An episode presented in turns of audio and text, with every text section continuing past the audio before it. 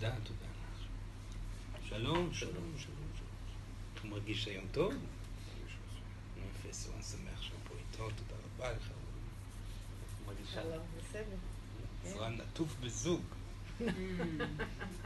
אז תודה רבה לכם שאתם פה, ותודה רבה. אז שלום, שלום לך. שלום, שלום. אז בואו נראה מי נמצא פה רק. סורן, נשמח לשמוע את השם שלכם. אנחנו נתחיל לאט לאט את הפגישה הזאת. סורן מבקש להזכיר לכם שאם אתם מרגישים שישנה מועקה מסוימת בגוף שלכם, אז רק תיגעו בה, בסדר? רק כבר עכשיו, יש לנו פה עוד ישויות שרוצות ככה להעניק לכם עכשיו, אז בבקשה שימו לב, טוב? אז רק יעבור, אנחנו קבוצה מאוד קטנה וטובה ואיכותית, ולכן בואו נשמע אה, מי אתם ואיך אתם מרגישים. אז לומר את השם ו- ואיך אתם מרגישים. בבקשה, כן. רובי מצוין. מצוין. תודה רבה לך. ויטלי מתרגש. מתרגש, נפלא. אפשר את היד רגע? תודה רבה, מיטל. שלום, ילדה. שלום. איך היא מרגישה טוב? נפלא. יכול, יכולה גם לבוא רגע אחד? אז אפשר גם, גם, גם להגיע אחד אחד. תודה רבה, תודה רבה, ילדה. אני יכולה לשבת. איך היא מרגישה? בסדר? היא יכולה לבוא אל אחד. לא להתבייש. תודה, היא מרגישה טוב? לפעמים. אז היא יכולה לשתות מים גם, היא בשקט. שלום לך, שלום. יונתן, שלום, שלום. הוא מרגיש טוב? שמח לי. גם סורן שמח לראות אותו. תודה רבה, יונתן. שלום, ילדה. היא מרגישה היום? נפלא. תודה רבה, סיוון, תודה רבה. שלום, שלום. יערה. יערה, יערה. היא מרגישה טוב? היא יכולה. להתקרב לזה. אני מתרגשת. זה בסדר. לשתות מים, בבקשה, ילדה, גם אם אפשר. שלום, שלום. גלעד, איך השם? גלעד, גלעד. שלום. שמח להיות. צורה שמח לראות אותו. יכול לשבת, תודה רבה. יש לה מים ליערה? שלום, שלום. יש לי קצת אה, מועקה, מתח ובלבול, אבל אני שמח להיות. בסדר, סורן שמח לראות אותו כאן. תודה רבה לך. שלום. שלום, ילדה. שלום. חגית. איך היא מרגישה טוב?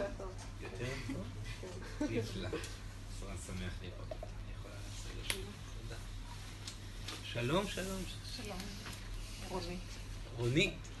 שלום, שלום. סורן שמח להכיר אותה. יכולה לחזור לשבת. תודה רבה, רונית. נפלא. שלום. שלום, יהודית. שלום. איך היא מרגישה? טוב? מצוין. סורן שמח לראות אותה. תודה רבה. שלום, שלום. עדנה. עדנה. שלום, סורן שמח לראות אותה. תודה רבה. שלום, שלום. לומר את השם. מירי. ואיך היא מרגישה היום? נפלא, תודה רבה לך. יופי. שלום, עולה. איך היא מרגישה? טוב, תודה. תודה רבה, ילדה. שלום, שלום. לומר את השם. מיכל. איך היא מרגישה טוב? כן. היא יכולה לשתות גם קצת מים. תודה רבה, ילדה. חם היום. אורנה. שלום. איך היא מרגישה טוב? אז גם לשתות קצת מים. תודה רבה. שלום, היא יכולה לבוא, היא- היא לא רוצה לה... אה, טוב, טוב, לאט לאט, בזהירות שלא נפריע. השם? אורטל. אורטל. נפלא, תודה רבה אורטל. תודה. זו אביגיל שירה. שלום, שלום. שלום, שלום, ברוך, מה שלומך? מצוין, איך הוא מרגיש? בסדר, אצלי. נפלא, תודה רבה לך. שלום. שלום. דפנה. איך היא מרגישה טוב? כן. צורה שמח לראות אותה. תודה רבה, דפנה. תודה רבה. שלום. איך היא מרגישה טוב? מים, ילדה, מים, בבקשה. צריך לשתות. היא צריכה עוד, היא צריכה עוד. שלום, שלום, שלום. איך היא מרגישה? צורה שמח. תודה רבה. שלום, שלום, שלום. השם? דפנה. מרגישה טוב? כן. אפשר גם לשתות קצת מים.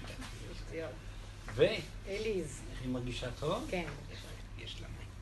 תודה רבה. גם סורה אני אקח, הנה זה של סורה. לא. תודה רבה.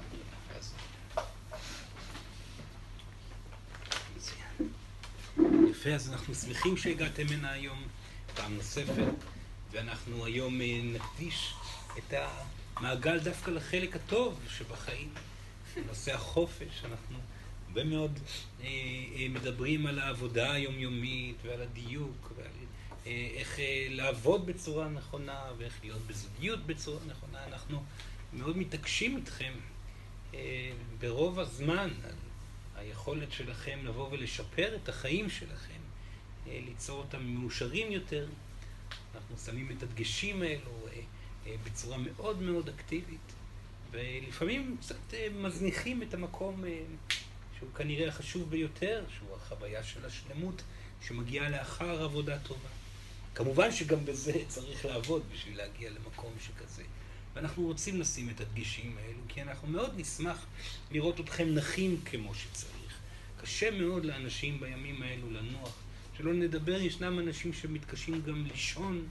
אה, הלחץ, המועקה והדאגה מגיעה מכל אה, פינה, ואנחנו רוצים מאוד גם להעניק לכם את המידע, או להזכיר לכם, אפשר לומר יותר נכון, את המידע, גם איך אה, לחוות את אה, חוויית החופש בצורה שלמה. וכאשר אנחנו מדברים על חופש, כמובן שאנחנו לא מדברים רק על חופשים ארוכים שכאלו. דבר, וזה מצרך שבסופו של דבר בחיים שלכם הוא מאוד נדיר, כאשר אה, בסופו של דבר אתם צריכים למצוא את הדרך להתאזן ביומיום ברמה רגשית ואנרגטית. וביומיום יש לכם מספר שעות קטנות מאוד של חופש, אה, ואתם צריכים למצוא את הדרך להגיע לשלמות ולאיזון בזמן הקצר שקיים לכם לחופש הזה, בעיקר אם מדובר פה על הורים לילדים, שגם כאשר הם חוזרים מהעבודה, אז הם אה, צריכים למצוא את עצמם בעבודה אפילו קשה עוד יותר הרבה פעמים. וחשוב לדעת איך לעשות את הניתוקים הנכונים בשביל למצוא הרפאיה מלאה ואיזון מלא ביום-יום. אנחנו אה, נבקש מכם גם עכשיו, גם אה, במהלך הפגישה, לנסות להרפות. הנושא היום מדבר על הרפאיה. אז במהלך הפגישה הזאת, שסורן יעלה את הדברים, אנחנו נשמח אם תיתנו לנו לתת לכם, אם תיתנו לנו אה, לטפל בכם אפילו, אפשר לומר. אנחנו רוצים לעשות את זה כל הזמן, מעטים המקרים שאתם מאפשרים לנו את זה. אתם עסוקים מאוד, רצים, עושים פעולות מפה ועד הודעה חדשה. מנסים מאוד מאוד בכל יום להצליח אה, להחזיק את המעמסה הזאת של החיים, ולפעמים שוכחים שיש הרבה ממעבר לחיים האלה. לפעמים שוכחים שאתם מלווים על ידינו הישויות. לפעמים גם שוכחים שיש פה מי שרוצה להעניק לכם, גם ביניכם כמובן אחד לשני, וגם אנרגטית כאשר אנחנו נמצאים ומבקשים מכם אה, להיזכר שאפשר קצת להירגע ולנוח, ולהיזכר שהאמת היא שככל שאתם תמצאו את החיים שלכם רגועים יותר, כך אתם תזהו התקדמות בהם. וחשוב לנו להזכיר לכם, דבר ראשון, לפני שאנחנו נכנסים לנושא הזה, שהמנוחה וחוויית החופש בסופו של דבר מיועדת לאנשים שיודעים היטב איך לעבוד. חשוב לזכור את זה, כי אנשים יכולים להתבלבל ולהגיד לעצמם, בסדר, אני יכול להיות חופשי כל הזמן, ואין לי סיבה לרוץ אחרי שום דבר, ולא, זה האמת היא שאתם באתם לעולם שהריצה היא חלק ממנו. טוב, זה, אתם נמצאים בחברה שצריך לעבוד בה, אתם בחרתם לבוא לחברה כזאת שצריך לעבוד בה, יש סיבה לכך, כי בסופו של דבר אדם מאושר הוא אדם שמוצא את האיזון שלו תוך כדי עשייה, זה לא אדם שתלוי אך ורק בסיטואציה שבה הוא יכול לא לעשות שום דבר. יש חשיבות מאוד מאוד גדולה בלהצליח להתאזן במקומות שאתם נמצאים בהם. כי כמו שסורן אמר את זה גם בעבר, ויחזור ויגיד את זה, החוויה של העושר שלכם תלויה ביכולת להתקדם בתוך מקומות שקשה לכם להיות בהם. ועבודה זה אחד מהמקומות האלה.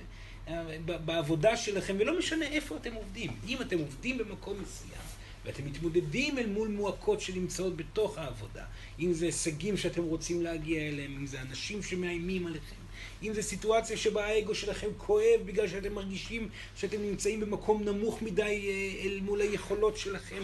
כל מקום אה, כזה בעבודה, אתם צריכים למצוא את הדרך בעצם לפתור אותו. הרבה פעמים יש כאן את המחשבה סביב הנושא של העבודה, שרק אם אתם תעברו ממקום קשה, אתם תרגישו טוב יותר. וחשוב לזכור שאם אדם נמצא במקום בעבודה, שכל הזמן חוזר על עצמו הבעיה, חוזרת הבעיה כמו מעביד לא מדויק, או כעסן במיוחד, או, ולא משנה כמה האדם עובר מעבודה לעבודה, מגיע את אותה דמות של מעביד, או בעיה אה, ש, שנמצאת אה, אה, ב, ביכולת לספק עבודה, או אפילו כלכלית. כל סיטואציה כזאת, ברוב מוחלט מהמקרים מבקשת מכם דווקא לפתור את הסיטואציה במקום הקיים, לא לרוץ מהר קדימה.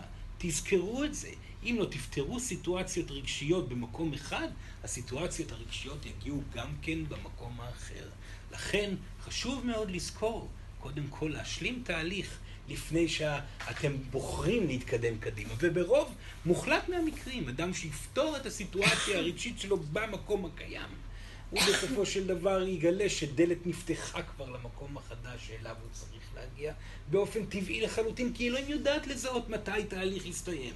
יודעת לראות מתי אדם כבר מרגיש מאוזן במקום, והמקום כבר לא מאתגר אותו, ו- וכך אם אתם תרשו לעצמכם, וזה חלק מאוד משמעותי של רעיון החופש, שתרשו לעצמכם להתמסר לעשייה דווקא בלי המטרה, דווקא בלי ההתעסקות של הציפייה והניסיון שלכם לדחוף את עצמכם רחוק יותר, אלא ההתמסרות המלאה, האמיתית לעשייה, ההנאה הגדולה שמגיעה מתוך העשייה המלאה במקום שבו אתם נמצאים, גם אם הדבר נראה משעמם. אם אתם מחליטים להתמסר אליו, הוא תמיד ירגיש לכם יותר טוב. ואם תזכרו את זה, ותוכלו לשים בצד את כל הרעיון של המטרה, ואת כל הרעיון של הציפייה, ומתוך זה גם את כל ההתעסקות הדאגנית, אלא באמת להיות נוכחים בעשייה, סורן מבטיח. בהתאם לכך יהיו תוצאות של התקדמות, התפתחות, גם כלכלית, גם מתנות שיגיעו ממקומות מפתיעים, וגם אה, אנושית, וכל דבר אחר. אנחנו, חשוב לנו מאוד שאתם תזכרו את הנתונים האלו, בעיקר בגלל שאנחנו רוצים לדבר היום על נושא החופש. כי אדם שלא מצליח למצוא את עצמו בתוך עשייה, בהגשמה מלאה, ולא משנה מה הוא עושה, רוב האנשים בטוחים שרק אם הם יעשו את הדבר שהם חושבים שהוא הדבר החשוב ביותר שהם צריכים לעשות בגלגול הזה, הם יגיעו להרגשה של השלמה מלאה. והאמת היא שאתם לא יודעים מה אתם הולכים לעשות. אתם בכלל לא יודעים מה הדבר שאותו אתם צריכים לעשות. ואתם לא יודעים אם יש לכם ייעוד כזה או אחר, ו- ו- וככל שתרפו מזה יותר, אתם תבינו שהאמת היא שאתם לא אמורים להגיע לשום מקום בחיים. אתם סך הכל צריכים לסיים גלגול של עושר. אתם סך הכל צריכים לזהות את עצמכם בחוויה של שלמות בקיים, ומתוך זה הדלתות כבר ייפתחו לבד למקומות ממלאים יותר, חזקים יותר, אה, אה, אה, וגם לרוב, ברוב מוחלט של המקרים גם כלכליים יותר. האמינו באלוהים, היא יודעת מה היא עושה. בואו נראה אתכם מאבדים שליטה בתחום הזה. בואו נראה אתכם נהנים באמת מהעשייה, וגם יודעים טוב ליהנות מהחופש שמגיע לאחר העשייה. אנחנו מדברים הרבה מאוד על נושא העשייה, אז אנחנו לא נתעכב יותר מדי. סורן רק הזכיר את האלמנטים האלו, כי אולי יש פה אנשים שצריכים להיזכר בדברים האלו, ואנחנו מיד נפנה את עצמנו לצד השני. איך אנחנו יכולים להתמסר לחוויית החופש? עכשיו, יש פה אנשים, וסורן יודע, שחוו חופש אמיתי. החופש האמיתי הוא המקום שבו אתם מגיעים למצב שבו אין בכלל מחשבה יותר על העתיד.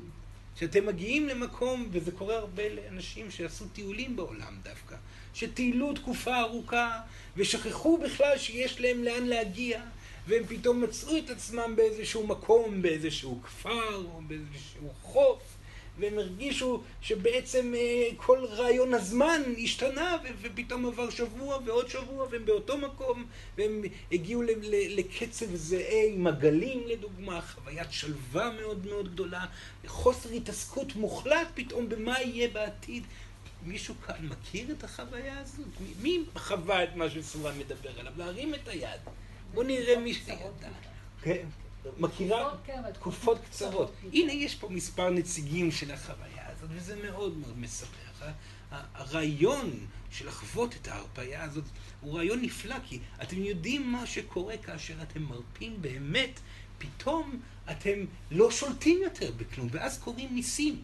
שם קורים הניסים האמיתיים, כי שם אנשים מספרים סיפורים מדהימים, כי הם הלכו בהודו, ופתאום הכירו את האדם הנכון וברגע הנכון, ומקרה שהיה עלול להיגמר בצורה הגרועה ביותר, הוביל לפתח לחוויה חדשה ומופלאה, ופתאום אה, כל מיני אה, אה, היכרויות עם אנשים שבכלל אה, אה, אתם מכירים אותם מאיפשהו, וחיבורים הזויים במקומות אחרים בעולם, אהבות גדולות שנפתחות, התאהבויות עוצמתיות אה, שקורות ממבט ראשון למהלך של שבוע, שבועיים, ופרידה טבעית שמגיעה ומובילה לעוד אהבה.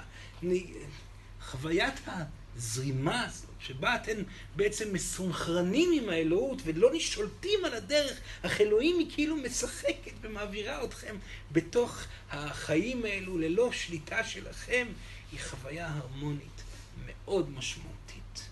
וסורן באמת מאמין שאם יש פה אנשים שעדיין לא התנסו באנרגיה הזאת, יש משמעות מאוד גדולה לחוות את החוויה הזאת, כי זאת חוויית החופש. אם אתם שואלים מהו חופש, חופש הוא תנועה אקטיבית, כן, אבל ללא שליטה. חופש היא תנועה אקטיבית ללא שליטה שמובילה אתכם לגן עדן רגע אחר רגע. זה החופש. ואתם רוצים את החופש הזה, אתם, אתם אומרים, רגע, אני לא יכול יותר להיות בשליטה, בואו ניקח שבועיים חופש. בואו ננוח, אתם אומרים לעצמכם. המנוחה היא מאוד מאוד משמעותית, אבל היא לא הכל.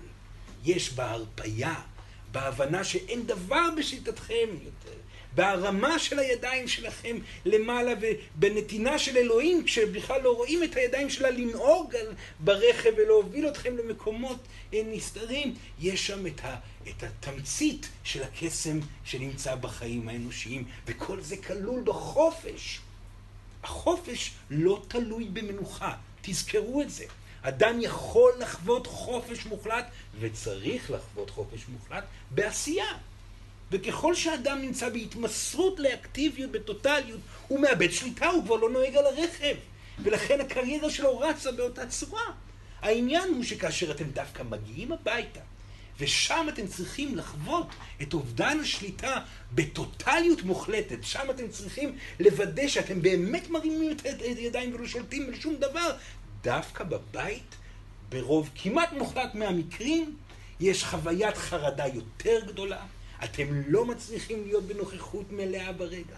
הילדים מתרוצצים סביבכם וכל מה שבא לכם זה שהם ישתקו.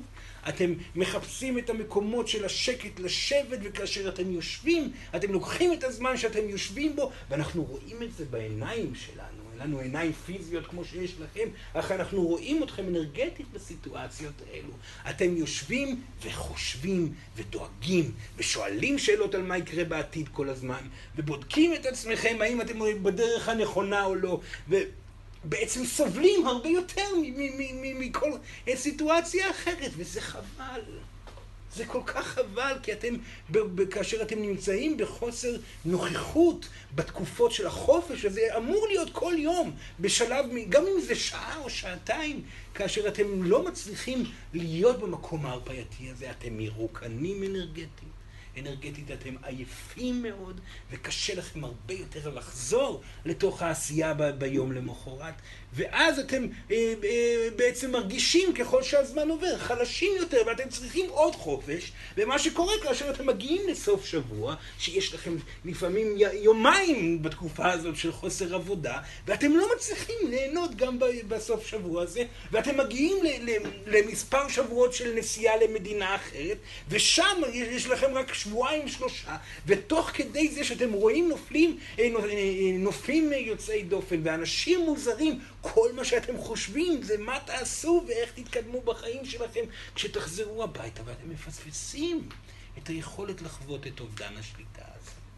אז אנחנו נדבר גם על חופשים ארוכים יותר, בסדר? מי שמתכוון אולי בשבועות אה, הבאים אה, לצאת לנסיעה, יש פה מישהו שמתכוון לנסוע למתישהו בשבועות הבאים?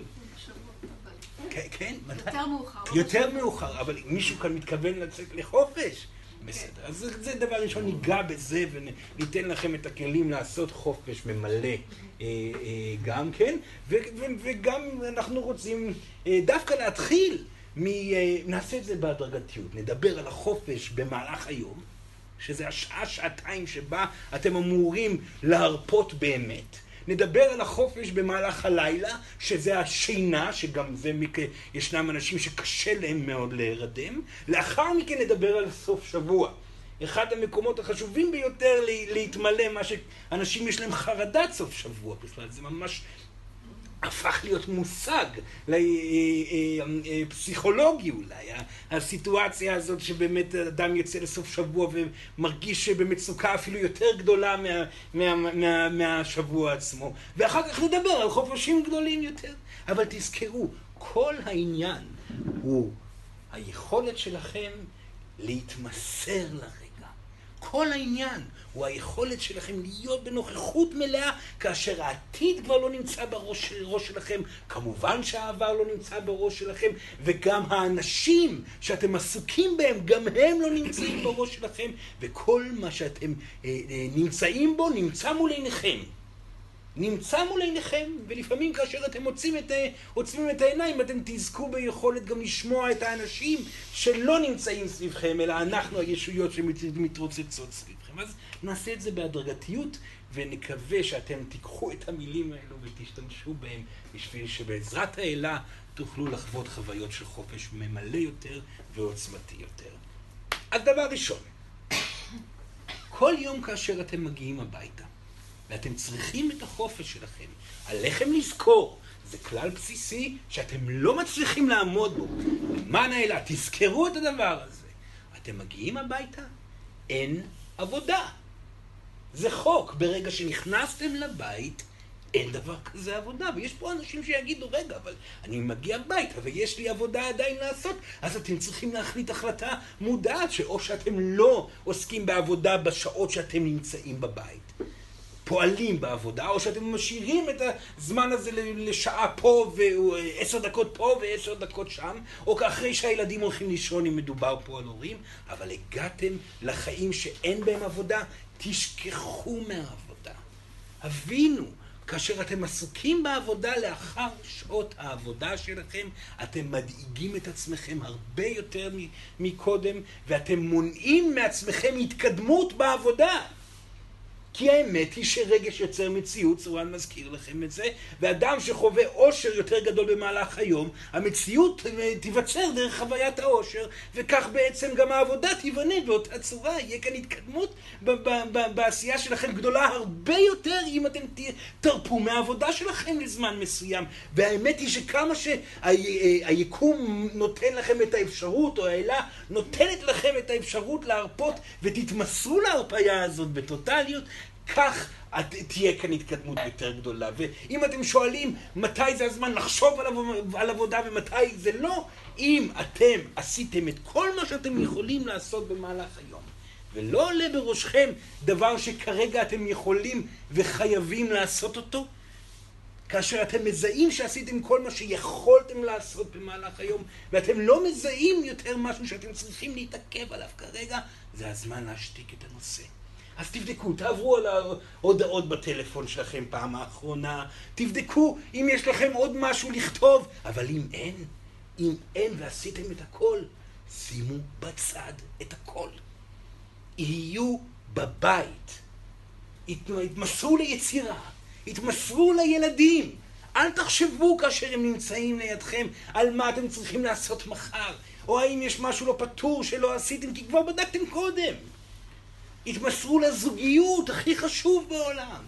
התמסרו לכל דבר שנמצא ממעבר למה שעשיתם קודם בעבודה, ושם תבוא רגיעה. אבל אתם צריכים להיות בהחלטה מאוד חזקה, וזה שריר שצריך לפתח. אם אתם תחליטו שאתם עושים את המהלך הזה, ייקח זמן, ייקח אולי כמה חודשים אפילו.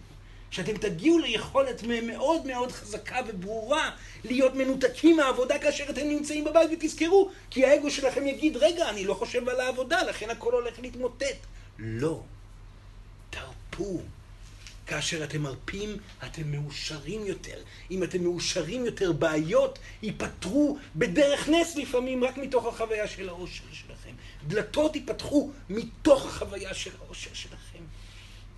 תנסו לעבוד על זה, יש בזה חשיבות עצומה כלפי ההרגשה הטובה שלכם במהלך היום, הצטברות האנרגיה למת...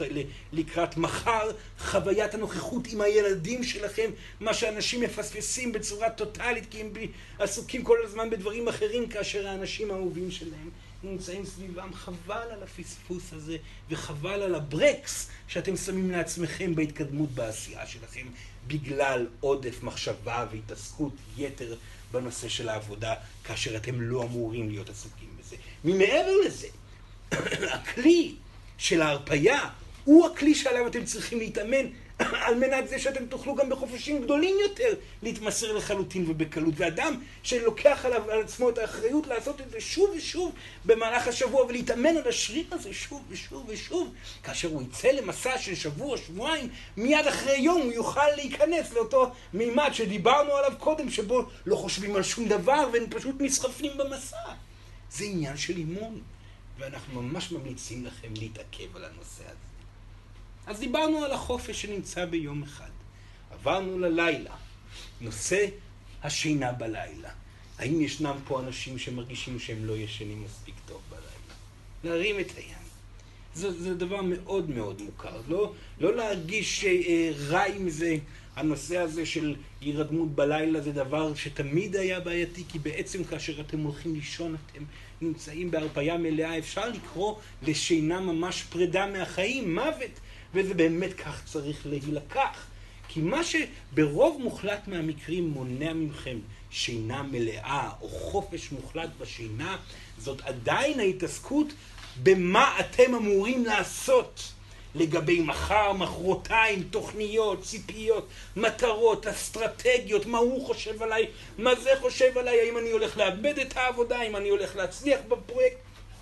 הריצה הזאת שרצה לכם בראש מונעת מכם את ההרפאיה. לכן, זורן אמר את זה בעבר וחשוב לנו להזכיר את זה גם עכשיו. מי שרוצה לישון טוב, שייכנס למיטה ויגיד לעצמו את המשפט הבא: הפסדתי, נכשלתי, הכל נגמר. אני עכשיו הולך לישון, וכל הפרויקט הגדול הזה שאני עסוק בו יתרסק לחתיכות. האמינו בזה כאשר אתם אומרים לעצמכם את המשפט הזה. האמינו בזה עד כדי כך שתצא דמעה מהעיניים שלכם. כי רק אם אתם מרגישים עצב גדול וכאב על כישלון, שיכול להיות אפילו עשר שניות, אתם תוכלו להתכסות בשמיכה וללכת לישון שינה עמוקה ורגועה, אחרי ביטוי הכאב. עכשיו, אם ישנם אנשים יותר אמיצים בזה, אנחנו תמיד מציעים לכם את האפשרות השנייה, שהיא יותר חזקה אפילו מהראשונה. היפרדו מהחיים. ישנה אמרה חשובה מאוד של אחד מהישויות המוכרות אה, בעולם שאמר, כאשר אני הולך לישון, אני מת. כאשר אני מתעורר בבוקר, אני נולד מחדש. וזה באמת נכון. זה נכון גם אנרגטית, הגוף שלכם יוצא, הנשמה שלכם חוזרת לטייל במחוזות שבה הייתם אה, לפני הגלגול הזה. אתם ברמה מסוימת מתים. זה נכון שיש קשר אנרגטי ישירות לגוף הפיזי שלכם, אך רבים מכם מסתובבים בינינו אה, אה, בזמן...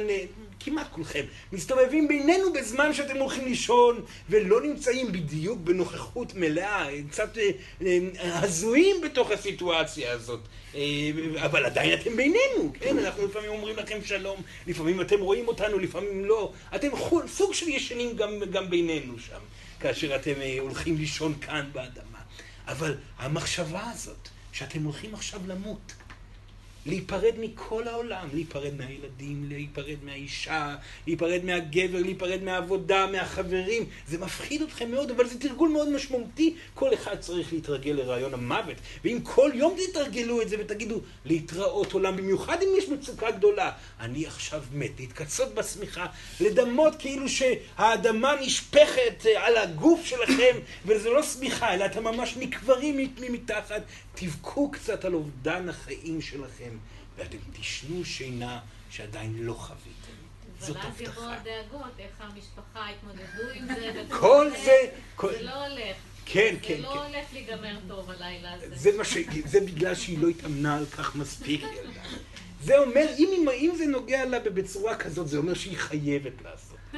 כי כנראה יש פה משמעות הרבה מעבר. אם היא לא מצליחה להיפרד מהכל ולהבין שאין דברים בשליטתה על ידי המוות, יהיה לה קשה מאוד לאבד שליטה בחיים עצמם. לכן חשוב שהיא תעשה את זה. כי האמת היא שאין לה שליטה. היא חושבת על מה יקרה עם הילדים, ומה יקרה כך ומה יקרה כך, אבל זה לא בידיים שלה. לא, גם עכשיו שהיא לא, בחיים, זה לא בידיים שלה. וזה המקום שכל כך קשה לה להכיל ולהבין. אתם לא בשליטה על הילדים שלכם. והאמת שמאחרי גיל אה, עשר בממוצע, סליחה, בתקופה הזאת שבה אה, הקרמה הופכת ונהיית אה, יותר ויותר מהירה, אז, אז אתם כבר, כבר, הילדים לא מושפעים מכם, הם הולכים בדרך שלהם עצמם. אין לכם איך למנוע את חוויות הכאב של הילדים שלכם. אתם כן יכולים להיות גורם, אה, מעניק מידע כאשר הם יבואו אליכם בבקשה לעצה ול- ולעזרה, אבל הם לא יבואו אליכם בבקשה לעזרה ולעצה כאשר אתם תהיו חרדים ומודאגים. כי ילדים לא סובלים הורים חרדים ומודאגים. דיברנו על זה כבר בעבר, על כל הנושא. אתם צריכים לקבל יותר ויותר בזמן החיים שלכם את העובדה שאין לכם שליטה על שום דבר, כי זאת הדרך היחידה, באמת היחידה, שאתם תוכלו לשים סוף למחשבה שלכם בכל תחום, וגם בנושא הילדים. אתם לא רוצים למנוע מהם את התהליכים שהפכו אתכם לאנשים שאתם היום. והתהליכים האלו הם תהליכים של משברים. העולם הזה בנוי על התקדמות ממשברים. ובכך שהורה מנסה למנוע מהילדים שלו את תהליכי המשברים, הוא מונע את ההתפתחות הרוחנית. ואתם לא רוצים לעשות את זה לא לעצמכם וגם לא להם. לכן קבלו את זה. אתם תהיו שם אם הילדים יצטרכו עזרה, כמובן, אך לא תוכלו למנוע את פגיעות הלב שהם הולכים לעבור בדיוק כמו שאתם עברתם. לא תוכלו למנוע את הכישלון שיהיה להם במקומות העבודה, בדיוק כמו שאתם עברתם, ולא תוכלו למנוע את, ה, את המפח נפש היומיומי אל מול ההתבוננות על היקום, בדיוק כמו שאתם עוברים. אתם כולכם נמצאים באותו מקום, אבל מה שכן, אם תהיו הורים שמבינים את ההתקדמות הזאת, תוכלו לתת תשובות מדויקות ונעימות לילדים ולעזור להם. אז הנה, יש לכם דרך ללמוד את זה. לכו ליש- לישון ותיפרדו מכולם. גם כך זה הולך לקרות יום אחד. זאת האמת, אתם הולכים למות. לכן מה זה יעזור שאתם תברחו מהעובדה הזאת? תנו לאנרגיה הזאת להיות בתוככם. התכוננו לדבר הזה, כי בסופו של דבר, וגם בתחילתו של דבר, אין לכם שליטה על הילדים ועל אף אחד שנמצא סביבכם. אז זה תהליך ההירדמות. אנחנו מבקשים מכם, במיוחד למי שסובב, ומי שלא גם יכול לבדוק ולהתנסות קצת בנושא הזה אה, של הוויתור המוחלט על הדרך שלכם, אה, הפרידה מהגוף הפיזי, כל אחד שיבדוק את זה בעצמו, יש בזה עומק גדול מאוד של שינה לאחר מכן, זאת הבטחה. יופי, אנחנו ממשיכים הלאה לסופי השבוע. הסוף שבוע. ברוב מוחלט מהמקרים בסופי השבוע, מה שמפריע לכם ליהנות מחופש מלא, מגיע בגלל המחשבה שלכם שאתם צריכים לספק את הסוף שבוע הזה בחוויות ממלאות כמה שיותר. אז אתם נמצאים בריצה סביב עצמכם לגבי מה הולכים לעשות, ואיך הולכים לעשות, ואיך תנצלו את סוף השבוע בצורה כל כך ממלאה שאתם תהיו עצומים אנרגטית ותוכלו להתקדם עם אנרגיה חזקה לעבר המשך השבוע. כל הדברים האלו רצים בתוככם במהלך סוף השבוע ואתם מבזבזים את הימים האלו לחלוטין. לכן, הדרך הטובה ביותר לחוות סוף שבוע טוב הוא לומר לעצמכם בצורה חזקה ומודעת, אין לי סוף שבוע. שישי שבת לא קיים. אני עובד עכשיו. אני יכול לשכוח מזה שיקרה משהו מעניין ביומיים או ביום העלוב הזה שיש לי. אני מוותר או מוותרת בכלל על הסיכוי שאני הולך להתמלות בימים האלה. מספיק. אני עובד גם עכשיו, יש ילדים, יש דברים לעשות, יש את ה... למי שאין את זה, אז יש כל מיני אה, אה, אה, דברים שאתם יכולים... נשים לפגוש, גברים לפגוש, יש המון מהלכים שאתם יכולים לעשות בסוף שבוע, אבל מנוחה לא תהיה. תוותרו על המנוחה שלכם. אם אתם במצוקה לגבי מה תעשו, תוותרו על האפשרות שאתם בכלל יכולים לעשות משהו. תלכו עם ההרגשה שאתם לא מגיעים בכלל לסוף השבוע, למרות שזה יום השבת. באותו רגע, כאשר אתם לא תרוצו אחרי הניסיון להתמלא, אתם תהיו בהרפאיה, ותחוו מלאות מכל תנועה שתהיו בה בסוף שבוע.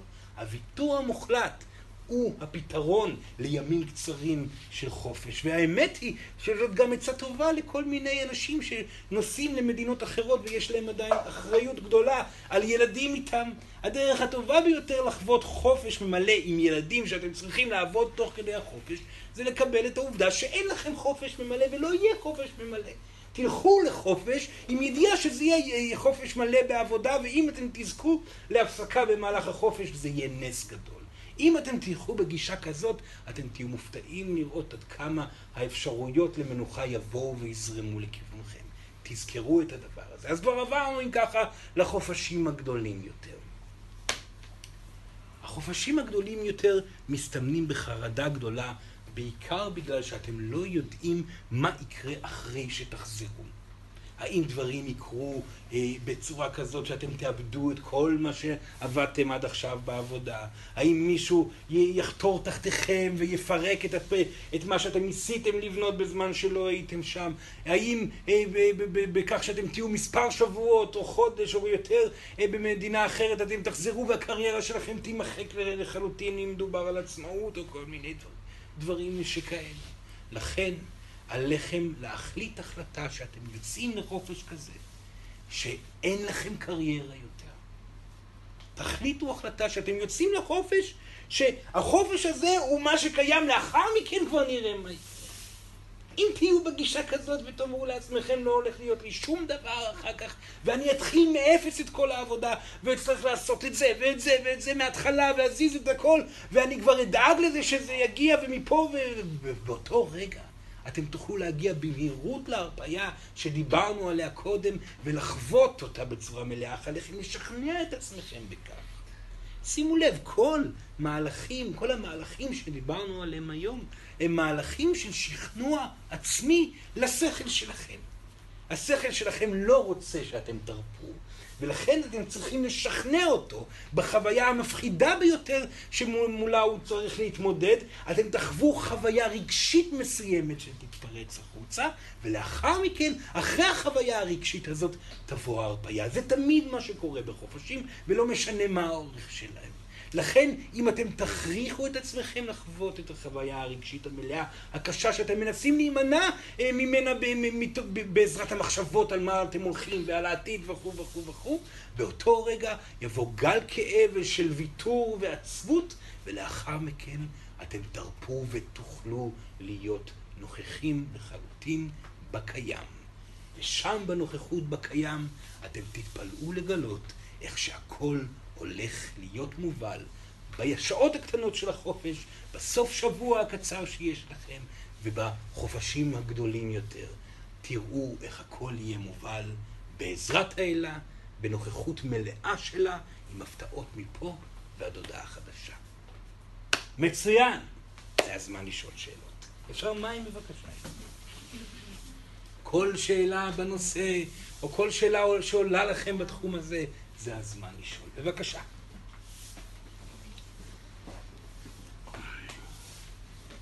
אין שאלות.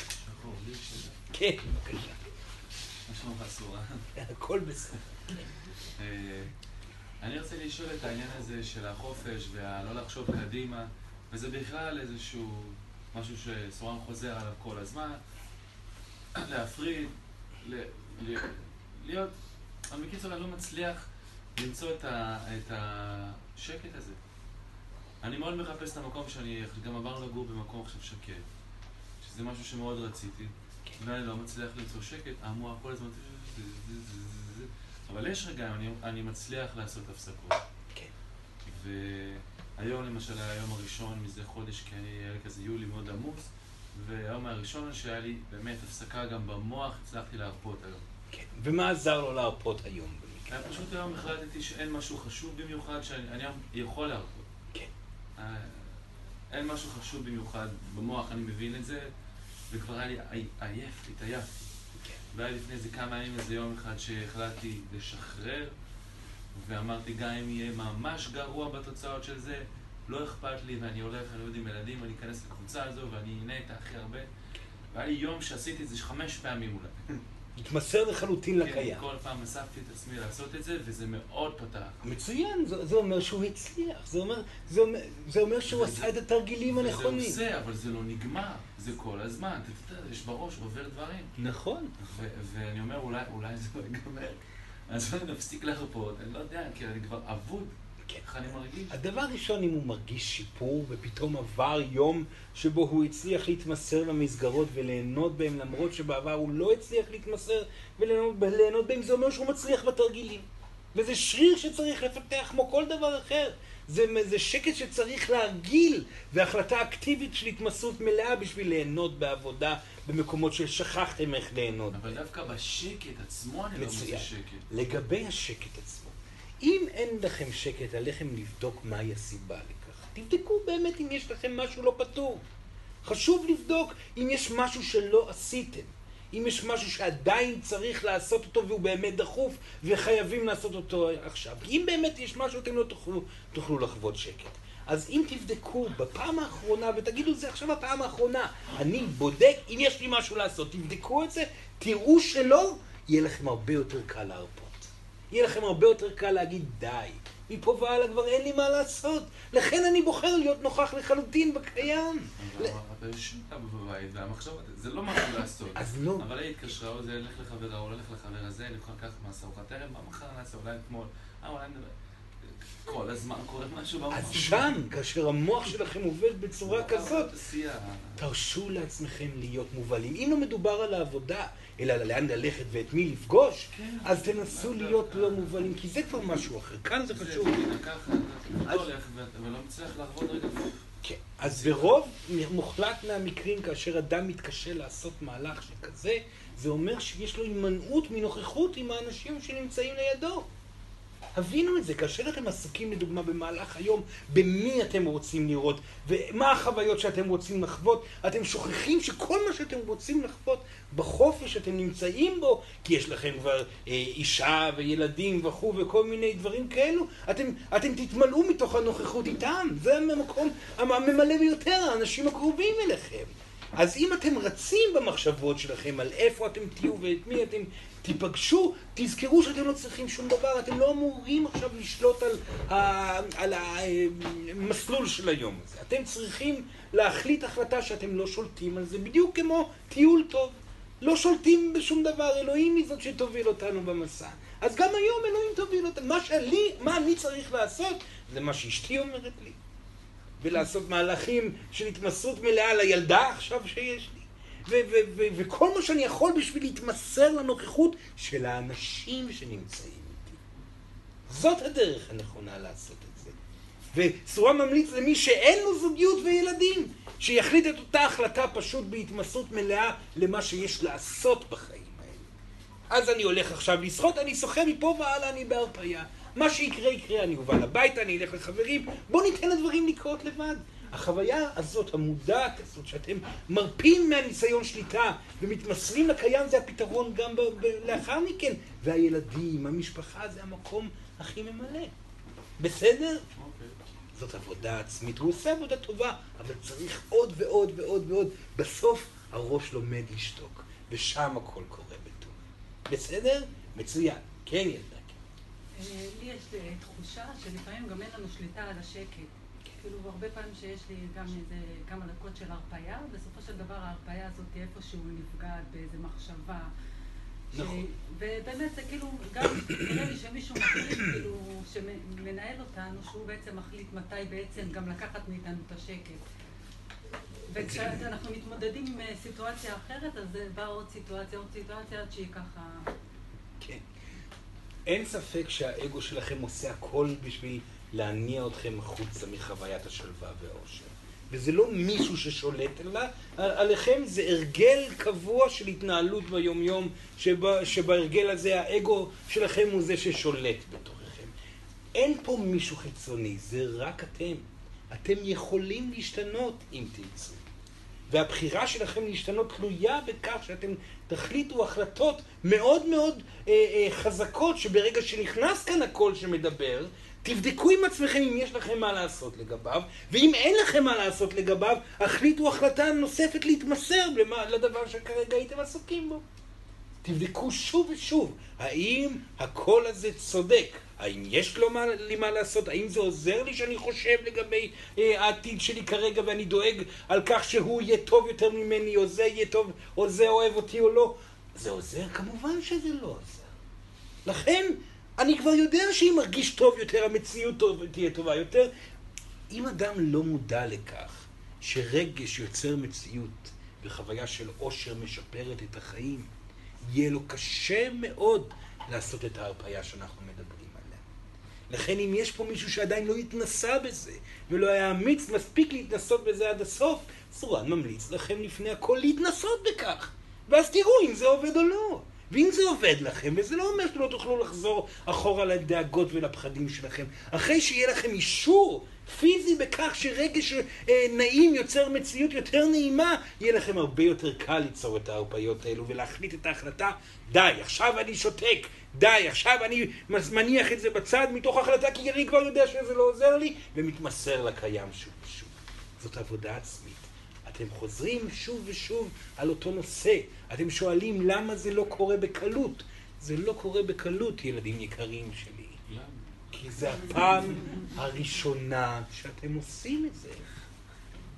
זאת פעם ראשונה שאתם באתם להתמודד עם הנושא הזה. בעבר הייתם חייתם בכל מיני מקומות שלא תדעו, לא היה לכם זמן בכלל להתעסק בזה. דאגתם ופעלתם בחוסר דיוק 24 שעות ביממה. הגלגול הזה הוא הגלגול הראשון שבו אתם מחליטים לעשות עבודה של שיפור רגש אל מול מציאות קיימת. לכן, זה קשה בהתחלה, אבל סורן מבטיח שזה הולך ומשתפר לאחר מכן. בסדר? למה המידע שלך לא מגיע לעוד הרבה אנשים, כאילו, רק לקבוצות האלה? יש עוד אנשים שמקבלים את המידע הזה, זה מידע ש, ש, שיגיע יותר ויותר רחוק בכל מיני אופנים ובכל מיני צורות. המידע של סורן הוא לא המידע של סורן, זה מידע של האלוהים ואין מידע אחר. הרבה אנשים הולכים לכל מיני כיוונים, בסופו של דבר המידע הוא פשוט והוא תמיד אותו מידע, לכן לא לדאוג. התקופה הזאת הולכת לנוע גל גדול של הידע האמיתי הזה, וזה ידע פשוט, וכולם ייזכרו בו. כרגע תהיו עסוקים בעצמכם, גם זה טוב, אל תנסו לשנות את העולם. שנו את עצמכם בבקשה, בסדר? תהיו, תדאגו כל אחד לגלגול שלו עצמו. אתם תדאגו לכך שיהיה לכם גלגול נפלא של עושר, של התמסרות בעבודה, של התמסרות לחופש, וזה כבר יספק אתכם. האמינו לסורן. שאר האנשים יעשו את העבודה שלהם, וגם כך הם לא נמצאים בשליטתכם. בבקשה. אה, אוקיי, שאלה קצת אה, מסובכת. אז כן. אני אסביר. אה, יש פעמים שאני ממש מצליחה ליהנות מהחופש הזה בשני דרכים. או שבאמת אני מצליחה ממש להתמסר לרגע, ואז כל רגע נוצר, ואני נורא נהנית. כן. זאת אומרת, היא מכירה את ההרגשה. מכירה אותה ומצליחה, הרבה פעמים זה קורה לי לבד. כן. יש פעמים שאני כאילו ממש מתאכזבת שהדברים לא קורים כמו שאני רוצה, מתייאשת לחלוטין, ואז מתחילים לקרות כמו שאני רוצה. וגם את זה אני מכירה. כן. זאת אומרת שהיא עושה את, ה... את הוויתור המוחלט שכך יקרו דברים כמו שהיא רוצה. זהו, זה לא באופן אה, מודע. מודע, אלא פשוט באמת כאילו. נמאס לי וכואב לי. וציפיתי ואני מתאכזבת. הכאב, מצוין, רגע, רגע, סורן חייב לעצור. שימו לב, הכאב חייב להגיע בשביל נכון. שתהיה הרפאיה. אין מקום שהרפאיה מגיעה ללא כאב. הבינו את זה בבקשה, קבלו את העובדה הזאת, זה האלף בית של הקיום באנושות. אם לא כואב לכם, לא תבוא הרפאיה בשום תחום. לכן אם אתם חותרים אחר הרפאיה ששווה אושר, מתוך הידיעה שאושר יביא טוב יותר, אתם צריכים להתכונן לכאב כלשהו. ואם הכאב לא מגיע, אל תתעלמו שלא קורית כאן הרפאיה וגם מתוך כך לא מגיעה תוצאה. בבקשה. כן. סליחה, סליחה. כן. עכשיו, מה אני אומרת? שהרבה פעמים אני באמת מגיעה למקום הזה של התאכזבות. אומרת, טוב, נו, לא ילך כמו שאני רוצה, ובאמת באמת אני שם, ואז באמת מתחילים לקרות ניסים ונפלאות. כן, כן. חווה את זה הרבה. כן, מצוין. בגלל שכבר אני חווה את זה הרבה, אז לפעמים אני אומרת, טוב, תתאכזבי מראש. כאילו, אבל זה- פחות עובד איתו. כן, זה עניין, זה עניין שהוא מאוד מאוד חשוב, כי היכולת שלכם להתאכזב מראש זה הכלי אולי החשוב ביותר בתהליך הרוחני. למה? כי אם אתם בוחרים להתאכזב מראש, אתם חווים חוויה של כאב ללא סיטואציה פיזית שנוצרה בשביל לגרום לכם לכאב הזה. אתם בעצם מונעים קטסטרופות. כי אם אתם לא תחוו את החוויה הזאת בצורה רגשית מראש, יבוא משהו שיהיה חייב לתת לכם מכה בבטן בשביל לגרום לתנועה הרגשית הזאת לקרות. לדוגמה, בוא נאמר אדם שמתעלם שוב ושוב מהעובדה שהוא עלול להיות מפוטר. בסדר? זה קורה לו הרבה מאוד פעמים. טוב לו להיות הוא עצמו, הוא עושה את העבודה כמו שהוא רוצה לעשות, הוא איננו מוכן להשתנות, נגיד, בוא נאמר, ב- ב- ביכולת ההתנהלותית שלו אל מול בני האדם. בסדר? הוא טוב מאוד בעבודה ואיננו מוכן לשמוע את הטענה החוזרת, אתה יקירי לא יודע להיות מדויק עם העובדים במקום העבודה. בסדר? הוא יודע טוב מאוד כי כבר קרה לו פעמיים בעבר הסיפור הזה, והוא עדיין מתעקש לא להשתנות, והוא יודע עמוק בפנים שהוא נמצא בבעיה, אבל הוא מתעלם ממנה. הוא מתעלם ממה הוא מתעלם? הוא מתעלם מחוויה של כאב רגשי, כי קבלת האשמה הזאת שמאשימים אותו, זה גל של כאב שצריך להתבטא. מה עושים המעבידים באותו, לאותו בחור? אומרים לו, תקבל את זה שאתה לא טוב בדבר הזה. תקבל את זה, תעבור אה, אה, הכרה עצמית לגבי חוסר האיכות שלך בתחום. תבכה מה שאתה צריך לבכות ותשתנה. זה מה שצריכים לעשות, לקבל טעות. לבכות מה שצריך לבכות, ומתוך כך להשתנות בכל תחום. אז אם אדם מתעקש לא לחוות את החוויה הרגשית, יפטרו אותו פעם נוספת, הוא יחווה חוויה רגשית, יבין את האשמה, יפלו האסימונים, ואז הוא יתקדם לעבודה הבאה בצורה כזאת שיהיה רגיש ומדויק יותר בעזרת האלה. יש כאלו שמתעקשים על זה כל הזמן, בשביל להימנע מה, מהחוויה הרגשית הקשה, ואז הם ממשיכים את המהלך שלהם בטעויות המון המון פעמים. וישנם כאלו מאוד מאוד עקשנים, כי האגו שלהם הוא גדול גדול גדול. סורן דיבר על משהו שהוא מאוד פיזי, בסדר? אבל בוא נדבר עכשיו על דבר שהוא יותר רגשי. בוא נאמר, בסדר? שזה קשה מאוד. סורן יודע שזה קשה. אני מצטער, אבל חייב להגיד את הדבר הזה. בוא נאמר, ויש כאן חוויה רגשית שהיא לא קשורה לאובדן פיזי יותר מדי. בוא נאמר שיש פה מישהו אה, שאיננו מעז להודות בעובדה שאין לו זוגיות ולא תהיה זוגיות אף פעם. בסדר? קשה מאוד לקבל את העובדה הזאת, כי כמו שסורן אמר בעבר, אדם שרוצה זוגיות תקינה, צריך בסופו של דבר לקבל את העובדה ברמה מסוימת שלא תהיה לו זוגיות אף פעם, כי אם הוא יקבל את זה לחלוטין ויעבור את כאב הפרידה מהתקווה הזאת, והכאב יצא בגלים גדולים, והוא ישתחרר מהרגשות שהוא מנסה למנוע בהכרה בדבר הזה, באותו רגע הוא יחווה שלווה בקיום, בלבדות. ואז, כמו שסורן אומר הרבה פעמים, הזוגיות תבוא לבד, כמו בכל תחום. אבל אם הוא לא מצליח לעשות את זה, ולא אומר, אני הולך להתאכזב מראש, כי אני רוצה לעבור תהליך רגשי מראש, בשביל סוף סוף להגיע למצב שבו אני לא מפחד כל הזמן, בשביל שאני אוכל להיות מאוזן ונעים בלבדות, ואיננו מוכן לעשות את המהלך עד הסוף, תהיה חייבת לבוא סיטואציה פיזית שתוביל אותו להכרה הזאת. מה הכוונה?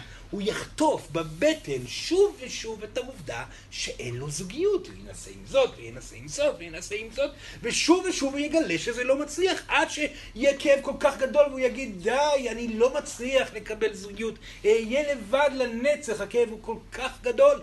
ובסופו של דבר יש הרפאיה. קבלה של העובדה הזאת, שחרור מאוד גדול, נעימות בהתנהלות פתאום כי הוא כבר לא מצפה לשום דבר. וכאשר אדם לא זקוק למשהו, הדבר מגיע אליו.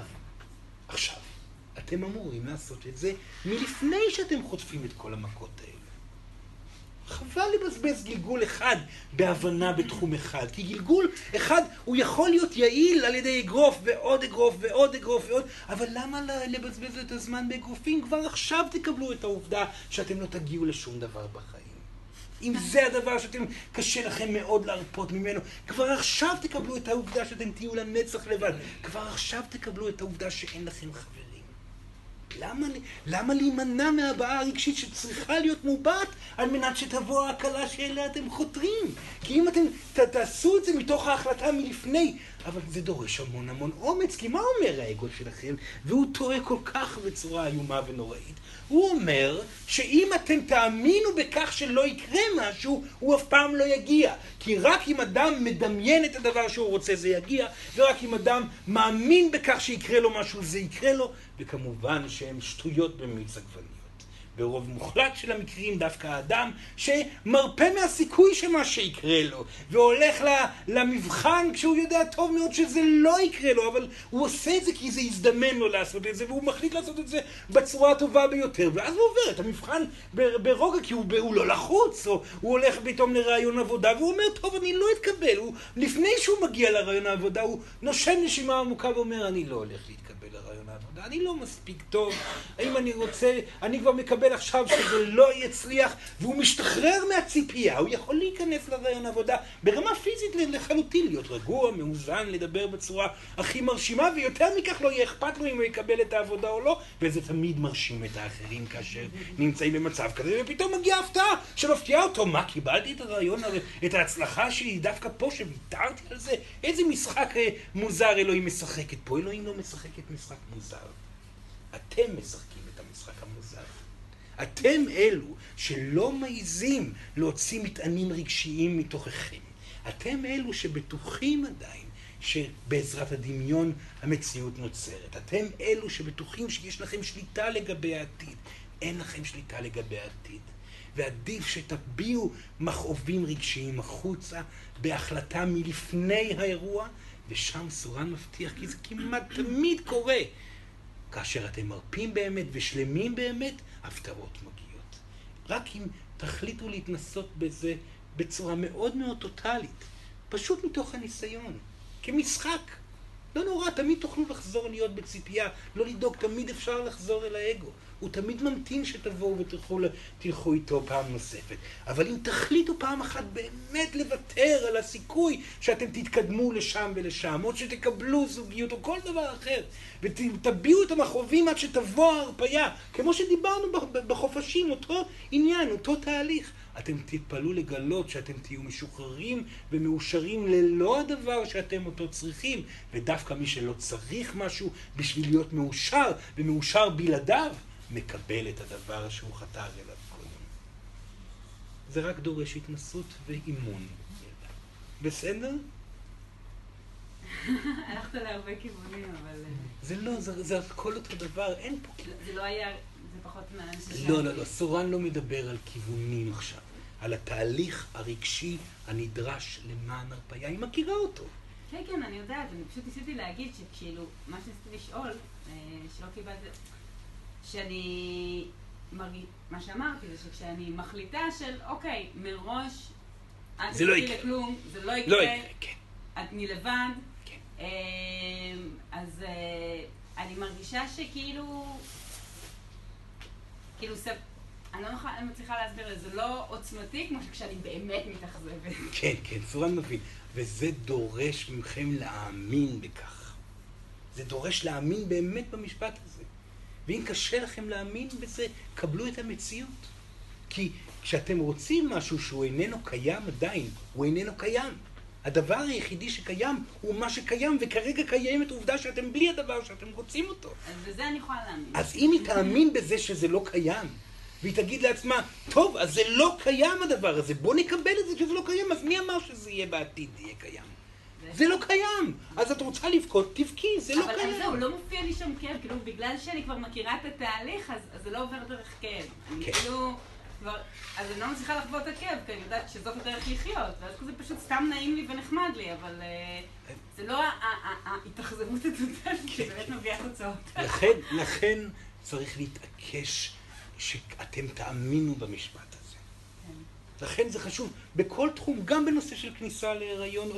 אנשים שרוצים להיכנס להיריון, יהיה להם קשה יותר להיכנס להיריון. שתלויים בזה, כאשר אישה וגבר גם מקבלים את העובדה שלא יהיה הצלחה ולא יהיה ילד נוסף, באותו רגע הם מרפים ואז להפתעתם, זה מגיע לבד.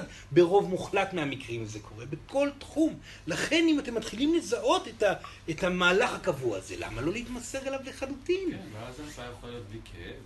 הרפאיה תמיד תהיה אחר כאב. חייב תמיד. בכאב. אין סיטואציה שלא, שתבוא הרפייה ללא כאב גדול לפניה. הכאב הוא חלק עיקרי בעניין. ואז כשאני מחליטה להתאכזב ומדלגת על הכאב, אז זה לא אז קורה. אם, אז אם כך חייבים להרגיש את הכאב. לכן התעקשו להאמין בהם, באמת שאמרתם, עד שהכאב מתבטא. בכל תחום, בבקשה, אבל זה הופך אותנו. לאנשים נורא פסימיים, שכל הזמן חושבים לא. הכי, הכי רע, הכי גרוע, כן, כן. לשחרר את זה, כי בין כה הכל יהיה רע, ובין כה יקרה אסונות, ובין כה זה לא יצליח לי, ובין כה נכשלתי, ובין כה הפסדתי, אז זה כל הזמן כאילו רע, במקום... אה, זה לא עתיד. זה ההווה, זה לא, עכשיו. את- ההחלטה לבוא ולעשות את המהלך הזה היא למען ההרגשה בעכשיו. לזכור את זה, כי אם אתם תהיו כל הזמן בדיכאון, זאת אומרת לא פעלתנים ולא אקטיביים, ורק בוכים על מה חסר לכם, זה המקום שהיא מדברת עליו. אבל אם אתם לוקחים את זה כאחריות שלכם להרגיש טוב ברקע קיים, כי זאת המטרה, להרגיש טוב. אתם לא מנסים להשיג משהו, אתם רוצים לשפר את ההרגשה שלכם. וזה נורא נורא מפריע לכם שאתם רוצים משהו בלא בהישג ידיכם. אתם רצים אחריו, וזה מתיש, וזה קורע, וזה מעציב, ודי, נמאס לי לסבול כל היום. לכן אני מוותר על זה ובוכה את הבכי של החמש דקות. חמש דקות של בכי, ואז פתאום הכל נפתח. גאונות, שלווה שלמה. זאת הבשורה פה. זה סך הכל רגש שמתבטא. ואז מגיעה הרפייה, והרפייה זה לא לשבת כל הזמן ולבכות. הרפייה זה הרפייה פנימית שגורמת לצעדים והמהלכים שלכם להיות כמו תנועה אה, אה, של ריחוף ביום-יום. זה ברור מה שסורן אמר. כל הכבוד. כן, בבקשה, בבקשה. רגע, רגע, לפני שהיא שואלת, אה, אה, אה, סורן רצה ש... כן, כן. לומר את השם. יונתן, כן. מים. יש משהו במה שאתה אומר, שאם אני מתכנן או רוצה לעשות משהו שהוא אפילו יכול להיות מורכב, אפילו מסוכן, כן. ואני אמ, אדמיין לעצמי את הכישלון כדי אמ, להפסיד מראש אה, ולחוש את הכאב שאתה מדבר עליו, יכול להיות מאוד שאני פשוט אוותר על הדבר הזה, אני אגיד, זה, אני אחווה את הכישלון ואת הכאב, ואני אגיד, אוקיי, אני לא רוצה להיות שם, אבל זאת אומרת, זה באיזשהו מקום יכול לפגוע במוטיבציה. מה שאני מנסה להגיד זה שהשלווה לפעמים יכולה... אמ, לפגוע באנרגיה של התנועה. באנרגיה של התנועה. בסדר. ואיך מתמודדים עם כן. זה. אז דבר ראשון, זה לא נכון. כי אם יש בכם רצון לעשות משהו באמת, מה שמפריע לכם זה הפחד מה, מהכישלון שבדבר. בתנועה עצמה זה מה שמפריע. בזה שאתם חווים את הכישלון מלפני, זה לא ימנע מכם את היצירתיות שאתם רוצים להביע, את ההרפתקה שאתם רוצים ללכת בה, את הפרויקט שאתם רוצים לעשות אותו. ממש ממש לא. זה פשוט ינקה את המטען. וזה אומר שאתם תוכלו להתמסר לעשייה בטוטליות וליהנות באמת ממנה. אז לדמיין ממש את, ה, את התוצאה הכי גרועה שאני יכול להעלות בדעתי. ברוב מוחלט מהמקרים, בשביל להגיע לאיזון, זה דורש מכם לדמיין את התוצאה, להרגיש את זה, זה לא רק לדמיין, כן, כן, כן. זה לחוות חוויה של אבל מלפני שזה בכלל קורה, ושם השחרור אה, יקרה, וההתמסרות ליצירתיות, למסע, להתנהלות, תהיה בטוטליות אמיתית, ולא תוך כדי מחשבות ודאגות והתעסקויות מפה ועד הודעה חדשה. בסדר? אוקיי, אז זאת אומרת, לחוות את הכאב של ה-Worst case scenario. נכון, נכון. אבל סורן חייב להגיד, זאת הדרך ההתחלתית. ישנם דרכים מפותחות יותר, אנחנו לא נדבר על זה עכשיו, אבל דווקא זה ממש מעניין. כאילו, כולנו בדרך ההתחלתית שומעים אותה כל- פעם אתה מדבר עליה. כן, הבעיה היא ש... אה, אז סורן יגיד את זה, אבל זה יכול לא לדבר להרבה אנשים, זאת הבעיה. העניין הוא שהבעת הרגש מסיפור זה מהלך ראשוני, כי בעזרת זה שאתם רואים אה, סיפור מול עיניכם, אתם יכולים לגעת בגרעין של הכאב. העניין הוא שישנה אפשרות טובה וקלה יותר להבעת הרגש, שסורן העלה את זה אולי פעם או פעמיים, שזה הפעפוע של הרגש. רגש לא חייב סיפור בשביל להתבטא. מספיק שהעליתם אותו למקלט השמש שלכם, על ידי זה שדמיינתם אפילו משתי דקות של חוויה קטסטרופלית, תשאירו את הכאב באזור החזה, תקלפו את הסיפור, ואז אתם תראו להפתעתכם איך שהכאב הרגשי שאתם כרגע החזקתם אותו יפעפע בעדינות החוצה, לפעמים דרך אה, אה, פרקים בידיים, ברגליים, אבל הרבה פעמים דרך האזור של החזה והצוואר בעצמו. מי שמרגיש שזה רלוונטי לו ינסה. אם מישהו זה מוציא ממנו את הגרעין של, את, את ההתמודדות או ההתבוננות על הגרעין של הכאב, אז הוא עשה צעד מוקדם מדי קדימה. קודם כל, עליכם לוודא שאתם מצליחים לגעת בגרעיני כאב, ואז להשתמש בדמיון במטרה שלמענה הוא, הוא נוצר, חוויה של הרגש בטוטליות, ומי שכבר מנוסה בכך, יכול רק להעמיד רגש באזור החזה, לקלף את הסיפור, להרגיש מצוקה ללא מילים, ושם הפעפוע יקרה. חוויה היא קשה בדיוק באותה מידה כמו, כמו דמיון, אותו דבר, רק זה פשוט מהיר יותר ויעיל יותר. טוב? וזה לא יפגע, וזה לא יפגע בתנועה, זה לא יפגע בעשייה, זה לא יפגע במוטיבציה. רק רגש רע יצא. רגש רע יצא, ואז תהיה תנועה ללא פחד. מה רע בתנועה ללא פחד? זה הרבה יותר טוב, הרבה יותר, במיוחד אם בוחרים לעשות דברים מסוכנים.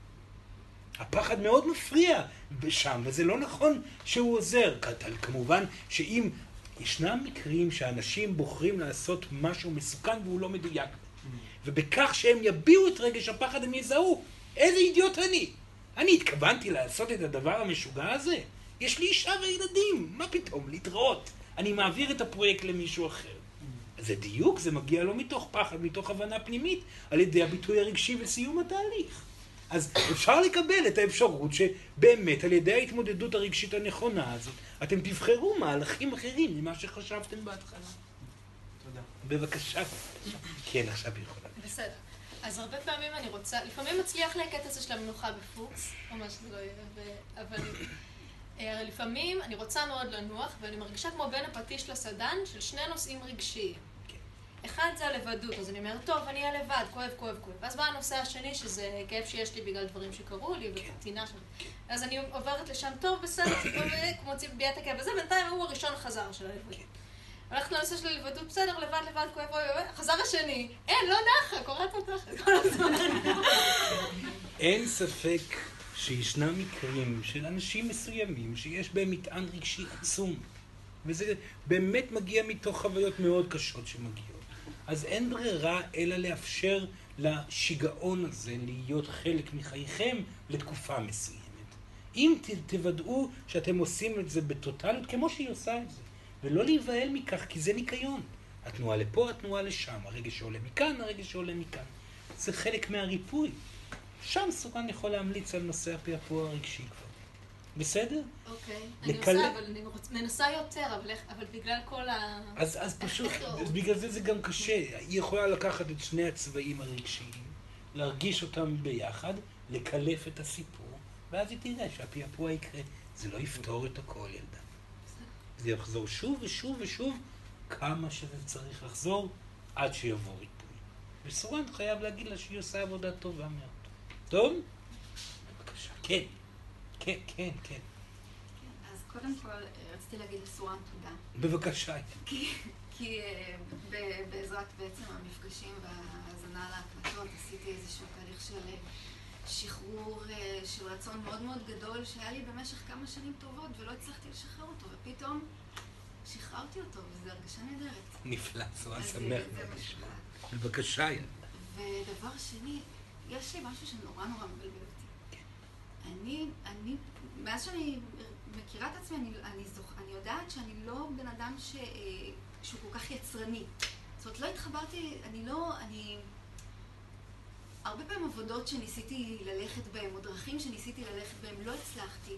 וכאילו לא הצלחתי לה- להתאים לנורמה המקובלת. ו... ויצר מצב שאני כל הזמן צריכה נורא נורא לדייק את העבודות שלי. אה, ואת הדברים שאני עושה. וזה יוצר לי המון המון חופש בחיים מצד אחד. מצד שני, אני קצת מרגישה אשמה, כי אני גם שומעת שסורן אומר ש, שיש משהו מאוד מאוד חשוב בלהיות, אה, בלהיות פעיל כל הזמן, בלהיות יצרני, ולהיות אה, עושה דברים, ו- ולא תמיד אני מרגישה שאני נכנסת לתוך, ה, לתוך השטנץ הזה. זה דבר ראשון, זה מאוד אישי כלפי כל אדם. יש אדם שרמת העשייה שלו צריכה להיות במאות אחוזים יותר מאדם אחר.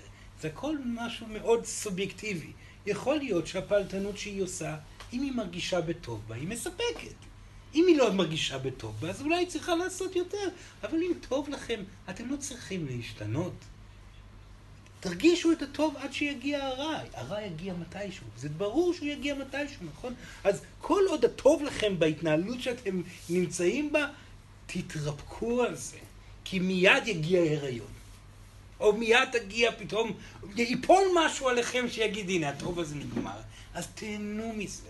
עד השלב שבו המציא, באה המציאות תבוא ותכריח אתכם לעשות עוד צעד קדימה או כל דבר אחר. אז זה שאמרת הריון, כי זה בדיוק הדבר שלי. כן, זו אני יודע. כן. כן. יש לי שאלה קצת כללית.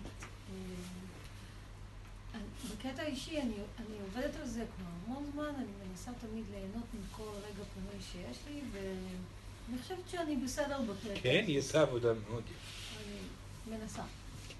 אבל השאלה שלי היא, כי תמיד כשאני צופה עלינו כ, כחברה, כאנושות, כסביבה אנושית, אני תמיד מוצאת שהחופש היא נקודה מאוד רגישה בהתפתחות שלנו, לדעתי. אני לא יודעת, וזה נורא מעניין אותי לשמוע את הנקודת כן. מבט היותר אה, רחבה על זה. אני מוצאת שהחופש הוא אלמנט מאוד מאוד חשוב בהתפתחות שלנו, כי למשל אני מרגישה שאני עובדת הרבה יותר מאימא שלי, שעבדה בגיל שלי שהיא הייתה צעירה. אני מרגישה שאנחנו עובדים את עצמנו בצורה מטורפת, עובדים את עצמנו לדעת. אני קמה בחמש, הולכת לישון באיזה עשר בלילה, ואני כל הזמן זזה. אני לא מפסיקה לזוז. ו- וזה לא משנה מתי, זה תמיד יהיה ככה. ואני מוצאת שגם אין לנו, למשל, בתוך מדינת ישראל, עובד זכאי ל-12 ימי חופש שנתיים. בעיניי זה, כאילו, בתחושה האינטואטיבית שלי, זה לא נתפס.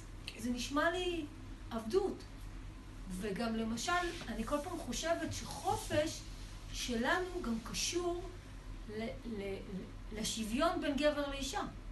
כי למשל, אם כולנו נסיים לעבוד בשלוש אחר הצהריים, יהיה יותר שוויון, יהיה יותר השתתפות בבית, יהיה יותר משפחה, יהיה יותר התעסקות בהתנסות שהיא לא פחות חשובה מהעבודה.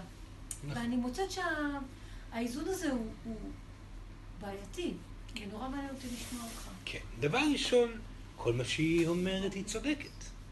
ובעצם היא מדברת פה על, על איזון חברתי, כלכלי, איזושהי סיטואציה אה, חלומית מסוימת שאתם אה, רוצים להגיע אליה בגלגול הזה. והשאלה הגדולה פה היא איך מגיעים אליה. כי כמו שאתם רואים עד כה, מאבקים, מלחמות, אלימות, כלשהי, איננה עושה את העבודה. כי גם כאשר אדם מחליט לעשות מהפכה, ומתוך המצוקה הוא פועל, ודאגה, וכעס, ופחד, ורץ אחרי מטרה גם בזה, אז באותו רגע הדבר הזה מתבטל גם, גם עם הכוונה שלו. היא הכי טובה בעולם. מהפכות לא שינו את העולם. מהפכות באו, הביעו עמדה מאוד מאוד חזקה וברורה של שינוי שרוצים לעשות, לאחר מכן ברוב מוחלט מהמקרים, בכל המקרים, הייתה התרסקות של העמדה, ואז הגיע אפילו משהו הפוך מזה, קיצוני עוד יותר, תחשבו על נפוליאון, תחשבו על כל ה... ואז לאחר התקופה הקשה שהגיע הדבר ההפוך, העמדות הרוחניות, האנרגטיות, התודעתיות התיישבו במקום הנכון. לכן, סורן כבר אומר עכשיו, אתם נמצאים בתקופה יוצאת דופן. המידע הרוחני זמין לכולם, לעניים ביותר אפילו, ברוב, לא ברוב, זה לא נכון להגיד, בחצי מהעולם. המידע הזמין הרוחני, השיפור ההרגשה בקיים, זה משהו שכל אחד יכול לזכות בו. אתם לא סתם באתם לתקופה של עבדות. לא סתם באתם. אימא שלכם חיה בתקופה אחרת, ואתם חיים בתקופה של עבדות. זאת עובדה. אתם יכולים ללכת ולעשות הפגנה, ניסיתם ללכת ולעשות הפגנה, זה לא בהכרח פועל, זה העלה ידע כלפי מעלה, אבל עדיין לא יצר שינוי. כל מה שעליכם לעשות זה לגרום לעצמכם להרגיש בטוב. אם אדם מרגיש בטוב בכך שהוא מביע עמדה ויוצא להפגנה, מצוין.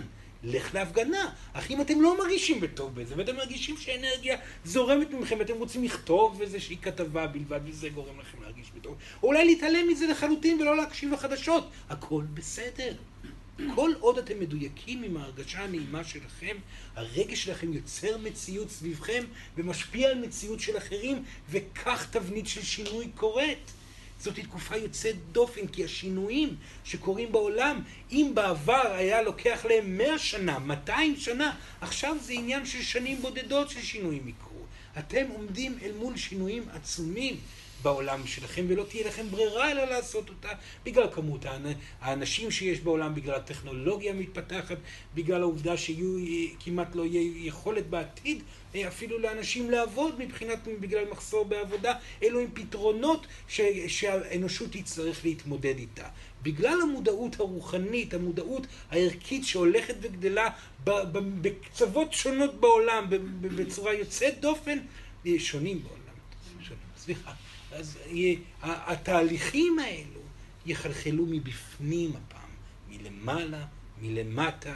בסופו של דבר, לדוגמה, לא תהיה ברירה למין האנושי לקלקל את, את, את עצמו מבלי עבודה. לא תהיה ברירה כלכלית, אלא לפתור את זה כך, זאת עובדה בשטח. אתם יכולים לנסות למצוא כל פתרון לסיטואציה של ההתקדמות הטכנולוגית אל מול, בסופו של דבר לא תהיה ברירה למין האנושי לקלקל את עצמו מבלי נושא העבודה. והדבר הזה יגרום להרבה חופש, הרבה מאוד חופש. לכן, האם העולם חותר לעבר חופש? כן. חד וחלק כן. זה הש- היה בתקופתנו. בוא נראה. החיים הם מלאי הפתעות. בוא נראה מה יקרה. מה שבטוח, שאם זה יקרה בעשר, עשרים שנים האחרונות, אה, הבאות, זה מאוד תלוי בחוויה הרגשית של אוכלוסיות בעולם.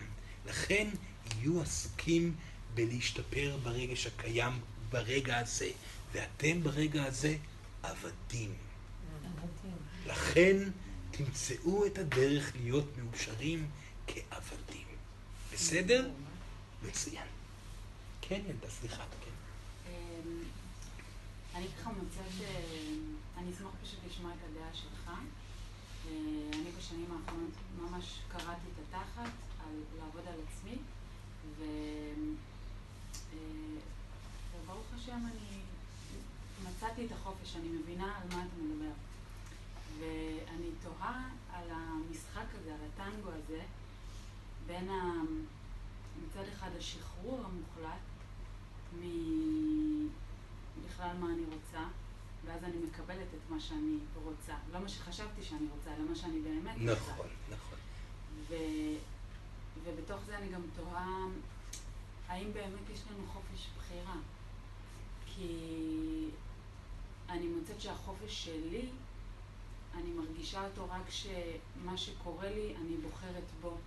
נכון. כי זה בעצם נבחר עבורי, אז זה הכי טוב בשבילי, אז אני אבחר את זה. נכון.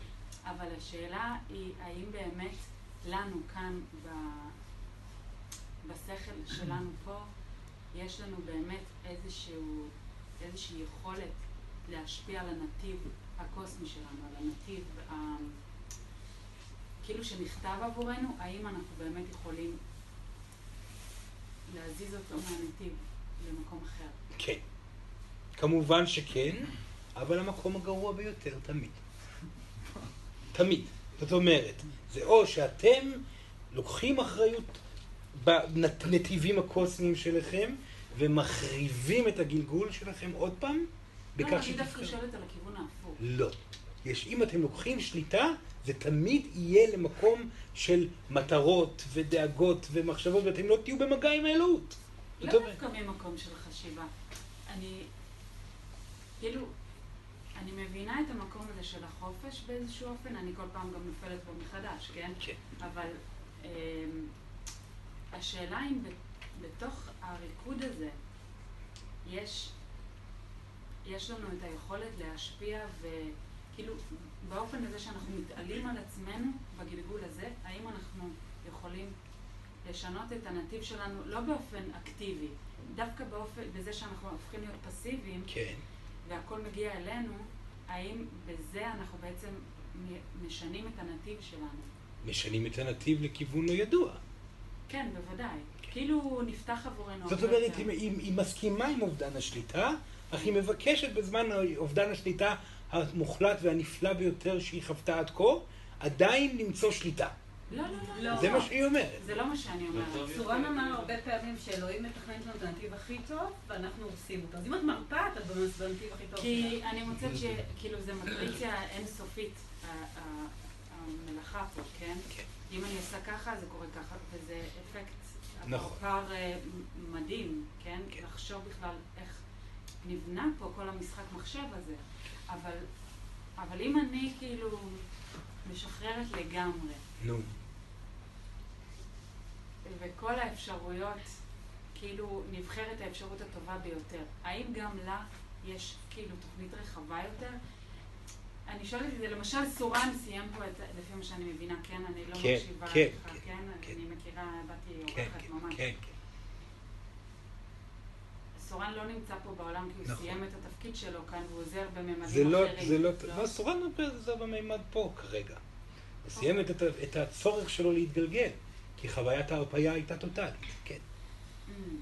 אז היא שואלת שאלה, האם היא יכולה להשיג שליטה בהרפאיה? והתשובה היא לא. לא, לא, לא. כן ידע, זה די. לא מה שאני שואלת, אבל, הקש- אבל הבנתי. כן, אז היא הבינה במשפט הזה, וסורן חשוב ל- ל- להגיד, זה אנשים שכבר הבינו איך הדברים עובדים. ועדיין המ- המאבק של האגו שלהם נמצא שם אפילו- בפינות הקטנות ביותר. כמו שהיא מדברת, כי היא מדברת מאוד יפה. זאת אומרת שהאגו שלה, הקוף הגדול, קפץ ממקומות קטנים ונחמדים ועלה לנושא הרוחני שהיא גילתה שהוא הטהור ביותר. הוא יכול לקלקל את הדברים הטהורים ביותר. ולשם הוא נמצא אצלה עכשיו. הוא אומר, איפה אני ממצא שליטה? לא, די. אין שום דבר פה שהוא תחת שליטתכם. אתם בסופו של דבר ללא שליטה, מה שמגיע אליכם, אתם יכולים להתמסר אליו וליהנות בו, ומתוך זה ליצור התקדמות לעבר הנאה נוספת. זה כל מה שיש לכם בידיים, והדבר הבא שיגיע, יתמסרו אלי- אליו גם כן, וכך תמשיכו את כל הגלגול, עד שתבינו שהכל בסדר. זאת אומרת, החופש הוא לא בבחירה שלי, החיצונית, אלא בלבחור או לא החופש נוגע לבחור. בהתמסרות למה נכון. שמגיע. האם אתם בוחרים או לא בוחרים? זה לא מה לבחור, אלא אם בחרתם או לא. ואדם שלא בוחר, לא נמצא בחופש. כן, כן, בבקשה. כן. כן. והיו תקופות שהצלחתי להגיע לרגעים של אושר ולכל מיני מקומות שאתה מדבר. ובתקופה האחרונה, דווקא כשאני בפנסיה, ולכאורה יש לי את התנאים הכי טובים, והרבה חופש, והרבה זמן, והרבה כל... מה שכל אחד חולם, אני במקום הכי לא נכון והכי לא בהרגשה שלי, של מין אכזבה מעצמי שאני לא מצליחה לחוות את המקומות שפעם חוויתי. כן. ואני כל הזמן בדאגה ובעשייה ובהישרדות כזאת של החיים, במקום ליהנות מהמקום שאני נמצאת. כן. דבר כזה מעיד על כך שהיא נאחזת עדיין בפחדים שלה, שהיא לא מצליחה לבוא ולהגיד, טוב, אז החיים שלי הם גן עדן, כי החיים שלה יש לה הכל בסופו של דבר, נכון? לא. הכל ולא כלום. יש לה הכל. יש לה כל מה שהיא צריכה, היא יכולה להחליט שהיא מרפה מהכל, ונהנית עד הסוף.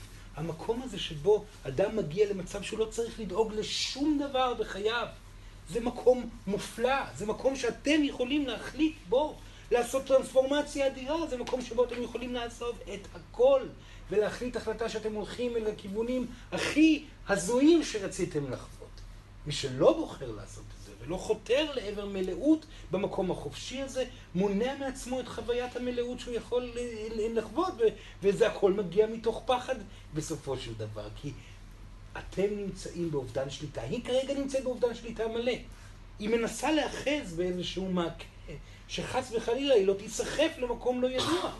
עליה להבין, זה או שהיא נסחפת למקום הלא ידוע, שבתוכו יהיה אושר מוחלט, או שהיא מחזיקה במעקה עד שהידיים יכוו כל כך, וזה מה שקורה, והיא תיפול למטה. סורן ממליץ לה פשוט לעזוב את המעקה ולהתחיל לחגוג. זה כל מה שנותר אני לה. מרגישה שאני לא יודעת לחגוג, אז זה בדיוק היא העניין. צריכה ללמוד את זה. נכון. אז שתלך פה למישהו שיודע לחגוג. ישנם כאלו רבים שהיו שמחים מאוד להתחלף עם המקום שבו היא נמצאת, ותלמד חגיגה מהי. אני לא יודעת. אז היא צריכה עזרה. לי- היה לי שבוע אחד שלא היה לי רכב, ואז ויתרתי על שליטה כי לא יכולתי לשלוט, והייתי זה, ואז הכי חגגתי מכל התקופה. מצוין, אז אולי זה שלב ראשוני, או שאולי פשוט תיקח אה, אה, מטוס למקום בעולם ותזרוק את עצמה שם, ותעבוד מול כל החרדה הזו ותעבור אותה. זאת גם המלצה טובה.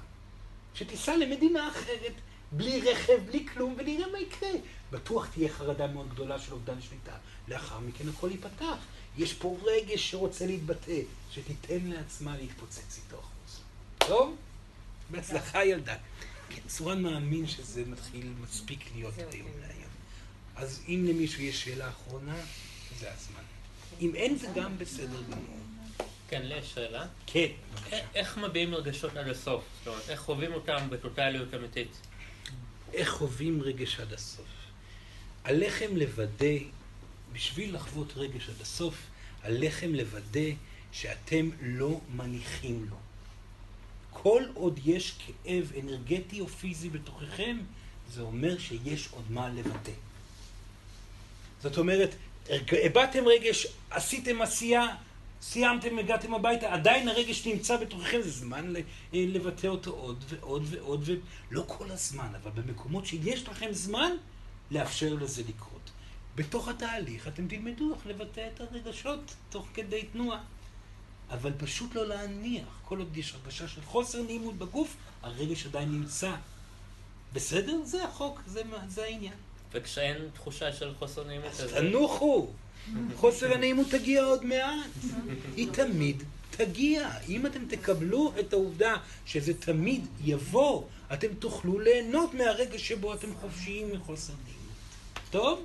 שאלה קטנה. כן, שאלה קטנה אחרונה. בסדר.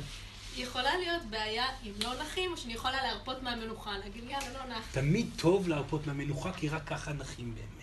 אם אתם רוצים לנוח ולא מצליחים לנוח, אם תרפו מהסיכוי שתנוחו, אתם תנוחו. אותו דבר עם ילדים, ילד לא רוצה ללכת לישון, אתם בלחץ על זה שלא תישנו הלילה, תקבלו את העובדה שלא תישנו הלילה ואין לכם יותר לילות לישון, והילד להפתעתכם ילך לישון.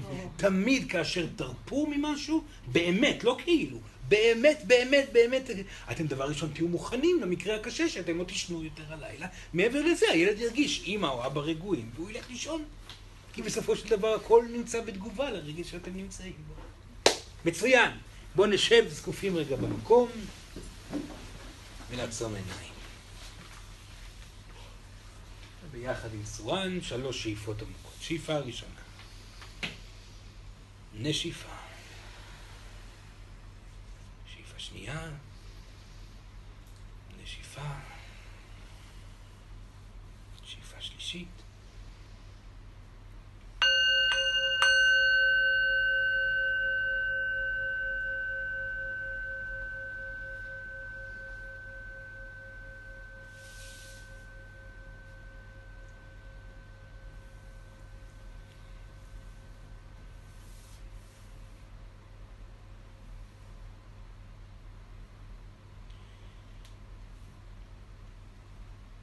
אנחנו מודים לכם מאוד על האפשרות לדבר איתכם היום.